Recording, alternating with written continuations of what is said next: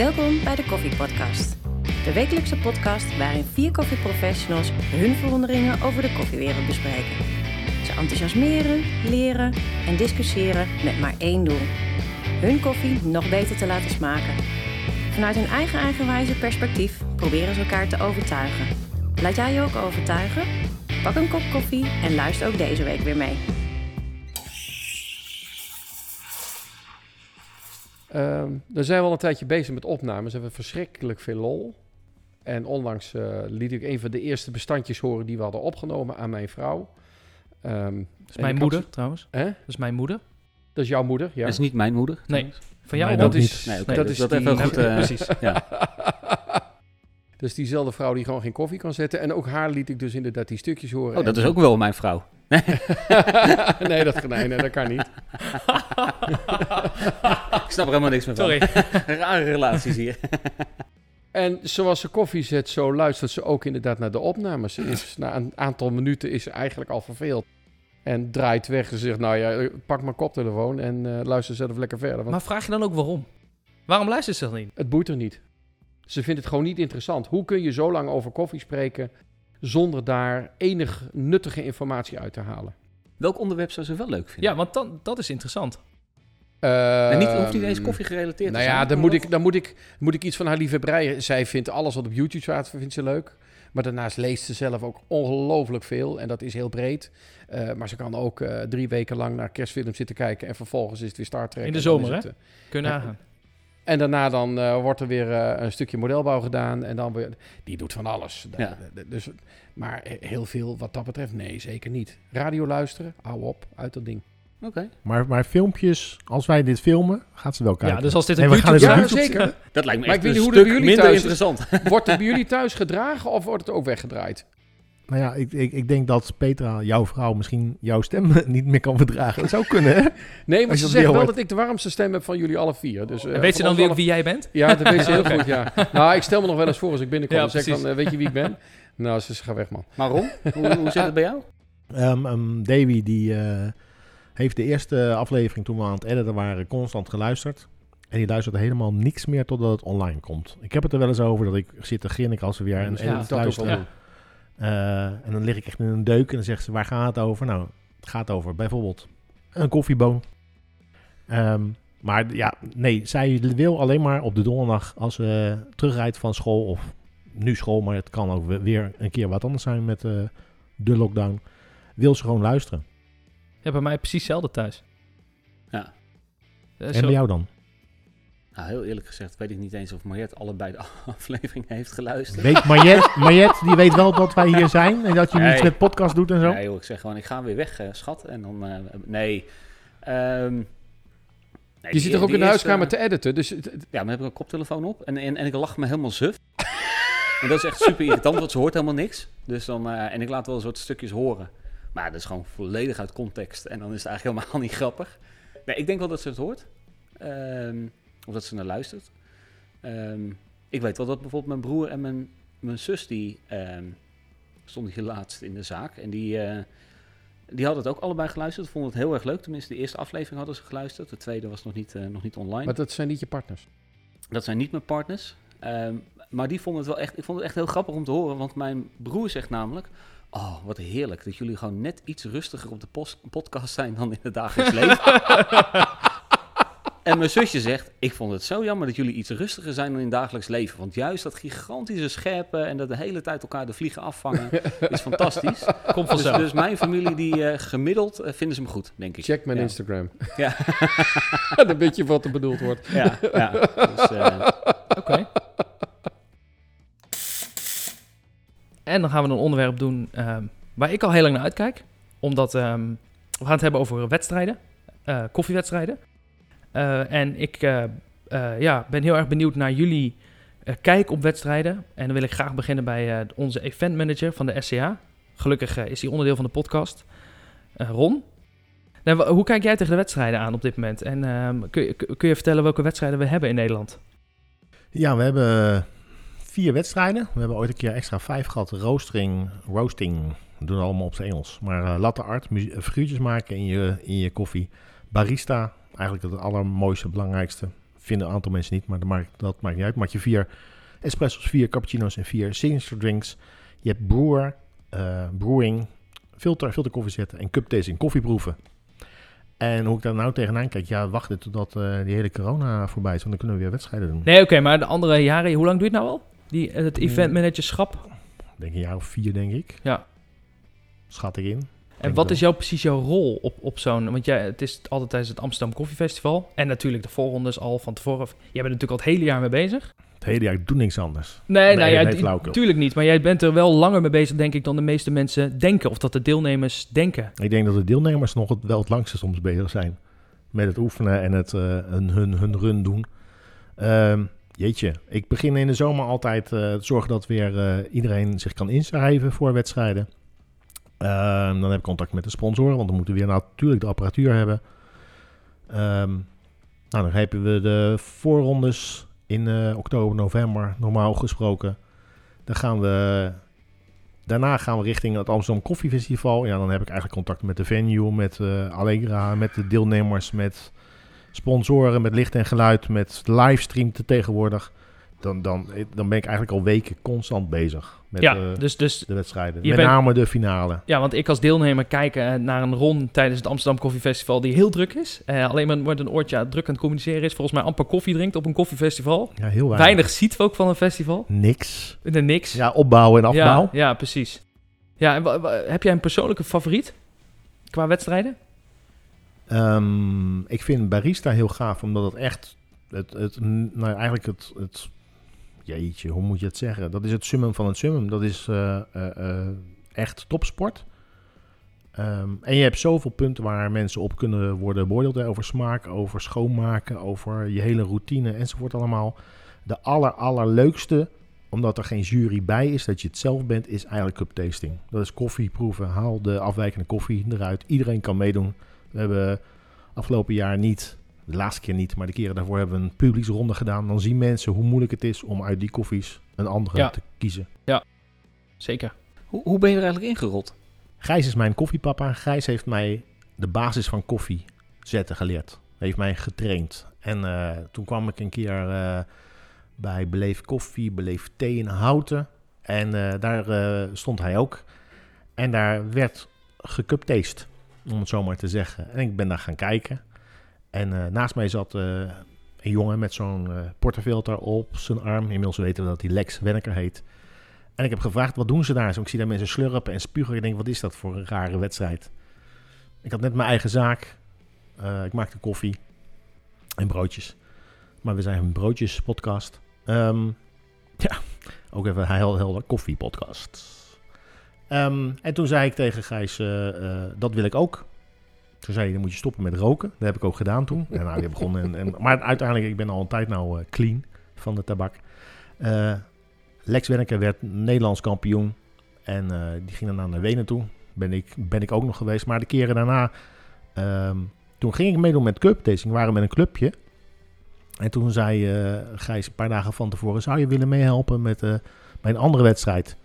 Bij Latte Art. Want we, hè, er moeten ook andere dingen gebeuren. Tuurlijk, hartstikke leuk. En toen stond ik zowel achter twee machines als voor twee machines schoon te maken. Tussen alle bedrijven door. Ik heb nog nooit zo hard gezweet. Met alleen maar schoonmaken van machines. En vanaf dat moment ben je daarbij. Dan ga je ook naar andere wedstrijden kijken.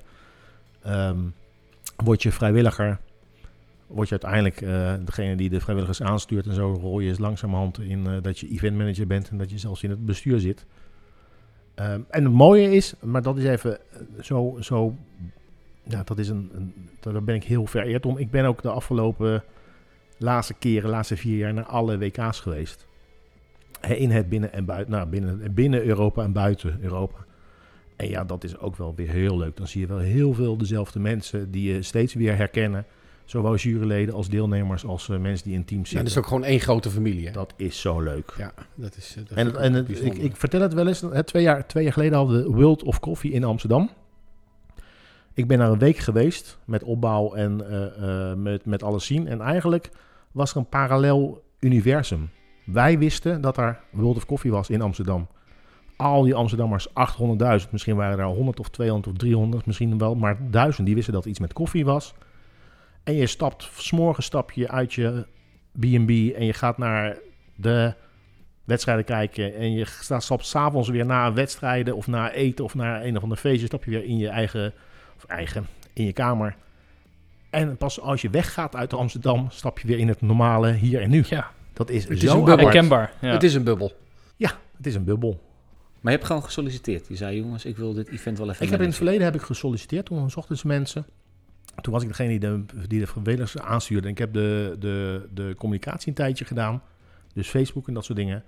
En daarna, eh, ja, als je uitgenodigd wordt om bij een bestuursvergadering te zijn. En je legt uit, zo en zo zie ik dat. Dan, eh, en en dat matcht, dan mag je dus dat gaan doen, ja. Nou ja, de, de wedstrijden zijn, eh, ja, niet omdat je erbij zit, maar de afgelopen jaren toch wel flink in de lift gegaan. Wat betreft de organisatie in Nederland. Het is Dus, een eh, enorm event geworden. Ja, zeker. Nou, want jij eh, bent, eh, stond wel eerder, Gijs, jij stond wel aan de voet. eh of tenminste, aan het begin van de barista-wedstrijden in Nederland. Toen hadden we eigenlijk volgens mij alleen nog maar een barista-wedstrijd. Nou, kijk, het, het Pezen is natuurlijk ooit begonnen met het organiseren van de wedstrijden. Ehm, volgens mij was dit in drie of in vier, of in vier of in vijf, nee, drie of in vier. Toen ben ik naar Residence Renen geweest. 2003, Residence 2004, Rode- Rode- wat zeg je? 2003, 2004. En daar ben ik als toeschouwer heen gegaan. En wij deden als koffiebranderij er helemaal niks mee. Sterker nog, ik weet nog heel goed.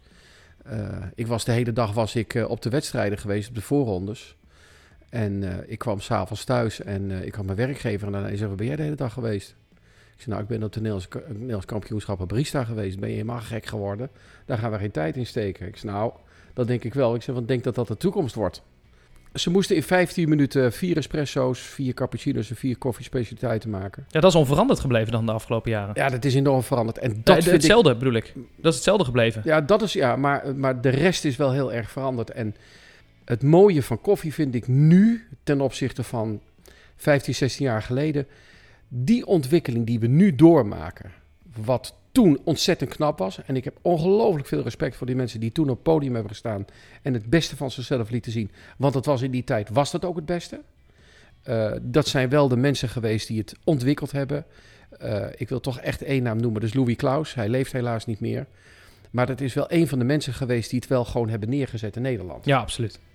Ehm, Sorry, ik denk voor- dat die naam te wie- weinig- Wie, wie, Oké, dank je. Wie was dat? eh, Louis Klaus eh, was eigenaar van de Blonde Pater in Nijmegen. Oh ja, ja, ja. ja. En hij heeft, eh, het, hij, ja, hij heeft het gewoon neergezet. Ik heb bij hem samen met Maarten van der Jacht en, en, en Monique Smit waren we de eerste die in Nederland de SCE-diploma kregen. Maar vanuit die periode vond ik nog, ja, ik vind het nog steeds knap wat die mensen allemaal deden. En als je dan nu ziet wat mensen er nu voor moeten doen om als deelnemer het beste te laten zien aan een, aan een vakjury, waarvan ik ook kan zeggen, dat zijn ook echt allemaal mensen die echt weten wat, eh, wat, eh, wat, het, wat het beoordelen is van een, van een warme koffiedrank. In tegenstelling tot de periode waar ik zelf nog in jury heb gezeten, omdat we sponsor waren. En er waren meerdere sponsors. Ja, je had gesponsord, dus mocht je in de jury zitten. Dat is nu ondenkbaar. Maar toen waren er mensen die echt nog nooit een kop koffie hadden gedronken. En die moesten op een stoel gaan zitten. Je kreeg eh, van al die deelnemers een kop koffie voorgezet. En je beoordeelde maar wat. En je had een lijstje bij je. En je schreef wat op. Dat is nu ondenkbaar. En ik vind het eigenlijk een belediging voor de mensen die ertoe stonden. En daar bied ik, nou ik wil niet zeggen excuses voor aan. Maar die mensen hebben zo hard geknokt om gewoon hun wedstrijden te draaien. En het is gelukkig veranderd. En dat vind ik het leuke van nu. En dat het nu zo'n evenement is geworden in Amsterdam. eh, in de gashouder. Fantastisch en chapeau voor iedereen in Nederland die bezig is met koffie. Want dat is uiteindelijk wel... Ja, zeker. Want Dat- denk je dat niet het... normaal wat mensen laten zien. Maar inderdaad, cup tasten, brewing, eh barista eh, vak. Ja, Denk je dat het invloed zou hebben op koffiedrinkend Nederland? Hè? Ja, 100 procent. Ik bedoel, de eerste mensen, nou goed, hoe mijn werkgever toen reageerde. Denk je nou werkelijk dat mensen een figuurtje in de koffie gaan schenken? We vinden het nu heel normaal. En Ja. nu zitten we in het tijdperk. En daarom vind ik nu ook zo ontzettend leuk. Met opkomst van al die mooie koffies uit die koffieproducerende landen. Met al die smaken die er zijn. Ja, dat is toch inspirerend. En we zijn nog maar net begonnen. Maar komt die ontwikkeling van mooie koffies vanuit de wedstrijdhoek of laat de wedstrijdhoek de mooie koffies zien? Ik denk dat bij, ze kunnen niet zonder elkaar. In dit geval hebben de, alle wedstrijden over de gehele wereld ervoor gezorgd dat koffieproducenten beter naar hun producten en naar hun gewas zijn gaan kijken. Of dat werkelijk zo is, weet ik niet. Maar daar, is, da- da- daar zit zeker een invloed in. Eh, anderzijds wilden de boeren natuurlijk zelf ook gaan innoveren. Maar ik denk wel dat de hele koffiescene zichzelf wel geïnnoveerd heeft. En eh, eh, veel mooier product neerzet als dat we doen. En dan heb je daarnaast de commoditymarkt. En die zal nog jaren blijven. Hè. Commoditymarkt is gewoon de supermarktwereld. Maar er gaat nog zoveel moois gebeuren. Ja, dat is echt fantastisch. En wat is dan jouw lievelingswedstrijd? Als je kijkt, eh, want volgens mij, heb je, je hebt natuurlijk zelf ook eh, een aantal keer meegedaan. Nou, ik heb bizar veel respect voor mensen die nu zeggen: ik ga meedoen aan de Nederlands kampioenschap barista. Want dat is topsport. Als Hoe? je ziet wat die mensen. Eh, Ja, hoe zou je mensen adviseren te starten aan een Nederlands ik kampioenschap? zou ze adviseren het niet te doen. Ja, want ik ben eh 2009 heb ik voor de eerste zelf Nee, nee, meegedaan. maar- nee, ja, maar ik bedoel, je moet zoveel uit de kast halen. Als je Ja. ziet, hè, we hebben in, eh in 18 hebben we de wereldkampioenschappen in, in de Rij in Amsterdam gehad. Als je ziet wat mensen daar neerzetten oh, aan, en, en in 15 minuten een stuk kennis aan het publiek laten zien en aan de, aan de juryleden. Eh, voor mij zijn het allemaal kampioenen, want er wordt zoveel kennis gedeeld. Eh, ja, dat is bizar. Dus dat vind ik de mooiste wet. Het leukste om te doen is cup tasting. Eh, als, jij, als je gaat cup tasten, dan krijg je dus acht triangels. Dat zijn iedere keer drie kopjes. En één van die kopjes die past er niet bij en die moet je eruit halen. Dan ben je je eigen jurylid. En dat is leuk om te doen. En dat kan ik iedereen aanraden. En iedereen kan meedoen. Daar hoef je ook niet veel kennis voor te hebben. Je moet goed kunnen proeven. Is ook laagdrempelig. Dus, dus ja, dus nee, als je, het is nou laag, ja, als, ja, Nou ja, je- laagdrempelig. Nee, maar iedereen kan het. Ik vind laagdrempelig, vind ik, eh, iedereen kan het. En dat is leuk. Je bent je eigen scheidsrechter. Ja. En je bent zo goed als dat je zelf bent op die dag. En dat maakt het leuk. Maar, maar barista-wedstrijden, ja, mega. Topsport. En een van de dingen, denk ik, als je, als je vraagt, als, als mensen vragen wel eens van Ron, hoe moet ik dan beginnen? Word vrijwilliger. Ga eerst, kom in Ja. die koffie zien. Zie hoe dat gaat, hoe dat onstage gaat, hoe dat daarachter gaat. Eh, leer iedereen kennen. Ga vragen stellen. Ook buiten de wedstrijden om. En langzamerhand moet je dan gaan denken, goh, ga ik dat ook doen? En dat mag uiteraard. Maar leer eerst eh, de mensen kennen, denk ik. Dat is wel heel belangrijk. Het is te leuk. En, en maar Sander is ook eh, tweevoudig kampioen nog altijd. Ja, Hoe nog ben jij steeds, ooit Ja. begonnen? Ja. als we geen wedstrijden hebben, dan blijft dat nog even. Ja. Hoe ben jij ooit begonnen in wedstrijden dan? Eh, door aanhoudelijk eh, en veelvuldig zeuren van Frans. zo. Ja, sorry Frans, ik kan er eh, niks anders van maken. Eigen mening. Ja, dat dacht ik. nee, dus eigenlijk, eigenlijk Als moeten we Frans... sturen, ben jij het wel. ja, Dus dus eigenlijk moeten we Frans feliciteren met Ja. het feit dat Sander Ja. tweevoudig Ja. Nederlands kampioen is Ja. geworden. Doe maar dan. Ja, Gefeliciteerd, Dankjewel. Nee, ehm, ik denk echt wel dat het voor een groot deel waar is. Want ik had eigenlijk helemaal niks met wedstrijden. Ehm, Frans werd op een gegeven moment, eh, volgens mij was je net bij mij, eh, stond je achter de bar. Werd je ineens eh Nederlands eh, Cup Taste kampioen. Ehm, en eigenlijk vanaf dat moment zijn we begonnen met, oké, wat is dat spelletje dan? Zijn we personeel gaan, gaan trainen. Of we hebben zelfs een keer Svols Open Cup Tasting kampioenschap georganiseerd. Ook met z'n man. vieren trouwens. Ook met z'n vieren volgens mij. Ehm, en zo is het, een beetje, is het een beetje gaan rollen. Ehm, een paar jaar later dacht ik, nou oké, laat ik dan toch een keer voor de grap meedoen aan dat laagdrempelige eh Cup Taste eh, kampioenschap. Ehm, en dan kwam ik de eerste eh, twee rondes volgens mij redelijk goed, goed door. En daarna ging het volledig mis omdat ik niks had gegeten. En een soort half, nou ja, een half duizelig, compleet duizelig op het podium stond. Omdat ik gewoon niet durfde te eten om mijn smaakpapillen maar een beetje nou, zuiver te houden. Ehm, en toen dacht ik, ja, dacht ik het jaar daarna, dacht ik, oké, nou toen dacht ik daar eigenlijk van, oké, dit wil ik volgend jaar nog een keer doen. Eh, wil ik me er nog iets meer in verdiepen. Dus kun je, ik vind het altijd leuk om te kijken, kun je ehm, een voordeel halen uit een situatie. Dus kun je door op een andere manier te kijken naar dingen, toch een voordeel halen in zo'n, eh, uit zo'n wedstrijd. Eh, daar ook met Frans over gehad, ook met personeel. Dus zijn we ook Veel gaan, getest? veel getest. Heel veel getest, op Cup Taste alleen al. Ehm, super interessant. En eigenlijk ehm gaandeweg dat traject begon Frans, en dat deed hij al een paar jaar, te zeuren van joh, ik wil me eigenlijk gaan inschrijven voor de ehm compulsory van de Brewers Cup, dus de voorronde Brewers Cup. Ehm, doe jij dan ook mee? En toen zei ik van, nou nee, weet je wat, nee, nee, ik doe niet mee. Ehm, maar ik, ik word jouw eh, buddy dan wel, dus ik ga je wel helpen. En dat was eigenlijk het eerste idee, maar Frans bleef maar zeuren, zeuren, zeuren. Ja, nee, maar doe dan mee, doe dan mee. Toen dacht ik, heel tactisch, ik dacht, nou, als Frans dan Nederlands kampioen wil worden, dan schrijf ik me ook in. Dan neem ik in ieder geval één plek in beslag. Dus dan hebben we in ieder geval één, toch? één concurrent eh, eh, eruit gespeeld. En ehm, dus wij eh, doen die voorronde in, in Almere. Eigenlijk tot onze grote verwondering allebei door. Hè, dus we hadden daar in, in de voorbereiding best wel wat tijd in, in gestoken. Ja. Ehm, maar we kwamen er aan met een paar aeropressjes en we werden uit, uiteindelijk uitgelachen door iedereen van ja, dat kan niet. Je kan, je kan de voorronde niet doen met een aeropress. Komen zelfs nog mensen V60's aanbieden, et cetera. Maar ook daar Dat is, hadden... echt gebeurd. Dat is echt is letterlijk echt gebeurd. gebeurd. En- Ja. ja, Kom je ja, met een en- aeropress? en- ja, nee, Dat kan helemaal niet. Nee, er is nog nooit iemand eh, de, de voorronde doorgekomen met een aeropress. Eh, maar er zat een heel, heel, heel idee en een heel, hele strategie achter waarom we dat wel gingen doen of, of niet. Was Ja, jij of er ook bij, Ron? Ja, Ron Ja, eh, ja, ja, ja, zat ja. in de jurykamer volgens mij. en ik, eh, Ik zat in de jurykamer alle scores op te tellen zo. Ja, ja. En ehm, dus we waren door.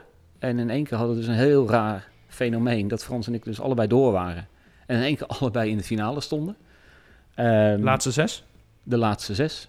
Ehm, en toen werd ik in één keer concurrent van Frans. Ehm, ik had een hele eigenwijze insteek van mijn run. Eigenlijk van meet af aan al eh, bijna een soort projectmatig. nieuws.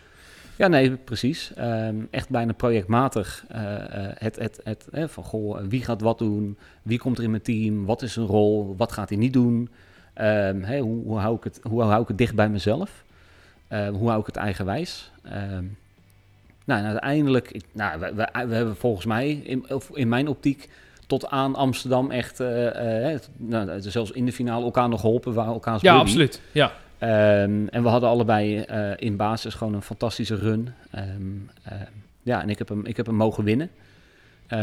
Dus dat is ja, voor, mij, voor mij fantastisch. Maar ook echt de- de, een soort situatie als ik hem nu nog voor de geest had. Dan denk ik, ja, dit was echt zo raar. Ik, weet je, het, eigenlijk boeide het niet heel erg. Maar Ron heeft me nog gesproken vlak voordat ik onstage ging. En ik ben nog nooit zo, zo, Bizar. zo nerveus geweest in mijn hele leven. je niet, serieus. Nee, het was echt, echt bizar. Dat, dit ken ik. eh, ik heb echt nog wel wat, wat Maar omdat je radere... geen controle had? Of, Ja, dat weet ik dus niet. Ehm, ik, eh, ik zat in een, in een soort eh, innerlijk gevecht met... Ik vind de wedstrijd niet heel belangrijk. Dat klinkt even heel denigrerend, maar...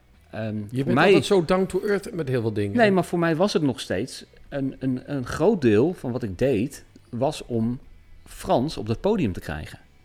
En dat was eigenlijk nog steeds... Oh, dat Frans beeld kantelde natuurlijk ineens. Nee, nee, nee, dat, Frans, dat, dat was nog steeds. Frans had een fantastische run, een fantastische insteek over eh, hoe je koffie kan zetten en hoe je dat op een, hè, op een consistente wijze kon doen. Ehm, en in één keer, vlak voordat ik op het podium moest, dat ik in één keer merkte, ja, wacht even, rationeel zeg ik, ja, oké, eh, ik doe het voor Frans, maar emotioneel begon het te wringen en ik denk, ja, donder, ik sta zo meteen wel gewoon Ja, eh, zeker. tien minuten lang, of een kwartier, Ja. ik weet niet eens hoe lang had ik. 10 minuten. 10 minuten. eh, moet, ik een, moet ik een verhaal vertellen? En ehm, bij mij ging het niet alleen om het verhaal, maar ook over het gevoel. En dat was van meet af aan al een van die rare dingen. Dat kan Frans eh, denk ik ook wel beamen. Dat ik echt heel erg op dat gevoel zat. Van joh, juryleden moeten zich comfortabel voelen. Het moet, nou, ik, ik had daar een hele hoop eh, research eh, eh, eh, omheen gedaan. Dus ik werd in één keer heel nerveus. Maar ik ken wel het gevoel van oké, ehm, eh, het moment dat dat zo is... ehm, wordt, worden dingen die een beetje grijs lijken in je kop ook in één keer helder. Dus het moment dat ik het podium opstapte, ehm, voelde ik ook in één keer, oké, wacht even. Ik begin te ontspannen. Eh, ik begon in één keer lol te krijgen in de situatie. En ik heb die presentatie eh, daar gedaan. Ehm, dat was de eerste keer volgens mij dat ik die presentatie van voor tot achter heb, eh, heb gedaan. Letterlijk, want we hebben nog achter eh, eh, nog, nog een paar wijzigingen door, doorgevoerd. Ehm, maar dat is ook het complexe. Dat is ook een complexe manier voor hoe ik werk. Ik ben heel slecht in dingen structureel achter elkaar. Daarom zou ik een hele slechte deelnemer zijn, denk ik, in het, in het barista-kampioenschap. Omdat je daar te veel dingen hebt die, die mis kunnen gaan. Ehm, ja, ik, ik hou er wel van om die spanning op te zoeken en op het laatste moment nog dingen te veranderen en of, of hele grote veranderingen door te voeren. Om, om het mes een beetje scherp te houden. En dat is ook eigenlijk wat ik zo leuk vind en vond aan de wedstrijden, is eh, focus. Je krijgt weer een soort rare focus op een bepaald punt. En dan heb je dan gewoon een soort, nou ja, zes maanden de tijd voor je gevoel, om je daar gewoon volledig op te frieken. Ja, we hebben En echt iedereen alles ondersteboven getrokken. Ja, Van water tot zetwijze tot ja. En daar dan ook nog weer veel, heel veel te diep in te duiken. ja. Ja, Veel dat je op een gegeven moment ook echt, echt het hele bos, bos kwijt, eh, of eh, door de boom het bos niet meer Ja. ziet. Ja. En eh, dat is echt fantastisch. Ja, ja. Maar ik weet wel van jou, jij vindt het leukste element helemaal niet het podiumwerk, Helemaal niet. Ja, je hebt het zelf al een beetje verteld, maar jij vindt het concept erachter veel leuker. Jij Ja. vindt het bedenken ervan veel leuker. Het Ja. liefst eh, Ja. had jij eh, 2020 ook niet meegedaan. Nee, ja, 2020 eh, was ook zo'n geval, ja. Ja. Dat ik dacht, ik hoef, eigenlijk, ik hoef eigenlijk niet eens op het podium. Nee. Ik heb een fantastisch idee. En dat idee vind ik leuk om te vertellen. Ehm, en dat is het. Alleen kom je natuurlijk in een soort... Je komt altijd in een soort gewetensvroeging uiteindelijk. Joh, ehm, als ik het idee aan iemand anders geef... en daar zit misschien dan toch een stukje ego in... als ik het aan iemand anders geef en stel je voor hij wordt nummer 6... heeft hij dan het idee niet goed over het podium heen gebracht... eh, over de bühne gebracht... of was het gewoon een slecht idee? En door het zelf te doen... dus ondanks dat je het niet wil... maar door het zelf te doen... kun je, niemand, kun je Nooit in ieder geval geven. nooit iemand Ja. anders de schuld geven. Behalve jezelf. En ik denk dat dat ook de, ehm, de insteek is om eraan mee te doen. Ondanks dat ik het echt niet leuk vind. En jullie waren erbij in Boston. Volgens mij heb ik daar 30.000 keer gezegd. Dit is de laatste keer dat ik het, dat ik het doe. Eh, de eerste en de laatste keer dat ik meedoe aan een wedstrijd. Ik, volgens mij, ik heb, nog, ik, heb, ik heb de wedstrijdrun net gedaan. Ik word gebeld door Mariette uit Nederland. Volgens mij stond Ron naast me. Ik zeg, ja, ja. Ja, ik weet niet. Misschien volgend jaar toch nog even een keer eh, meedoen. Nog geen, nog geen minuut voordat je on... Nee, ja, je, was, je kwam nog even zeggen... eh, jongens, ik ga zo meteen onstage. En jij zei meteen, en dit doe ik nooit meer. En je was nog niet klaar inderdaad. En je hebt je vrouw aan de telefoon. Nou, ja, heel misschien. Ik heb alweer ideeën. Heel misschien wil ik volgend jaar toch wel weer. En toen dacht ik, wat? Maar in één keer besefte ik ook, eh, met, met, door gewoon tegen mijn vrouw te zeggen... ik ben aan het voorbereiden voor wedstrijden... creëerde ik ook een hele hoop vrije tijd voor mezelf. ja, dat, is, Dus- dat was het ding. Ja, ja. En dan doe je mee en dan zit je uiteindelijk toch weer in die finale. ja. Die, niet, die niet doorging. Die niet doorging. Ja, Een dag voordat we mochten gewoon de Rutte goed in het eten. ja lijpe, lijpe tijd. Ja. We zullen het zien. We zullen het zien of ik nog ooit een keer ga meedoen. Ik denk het wel. Ik denk het niet. Ik denk het wel. Volg je deze koffievrienden ook op Instagram of Facebook? Ga dan naar koffiepodcast.nl.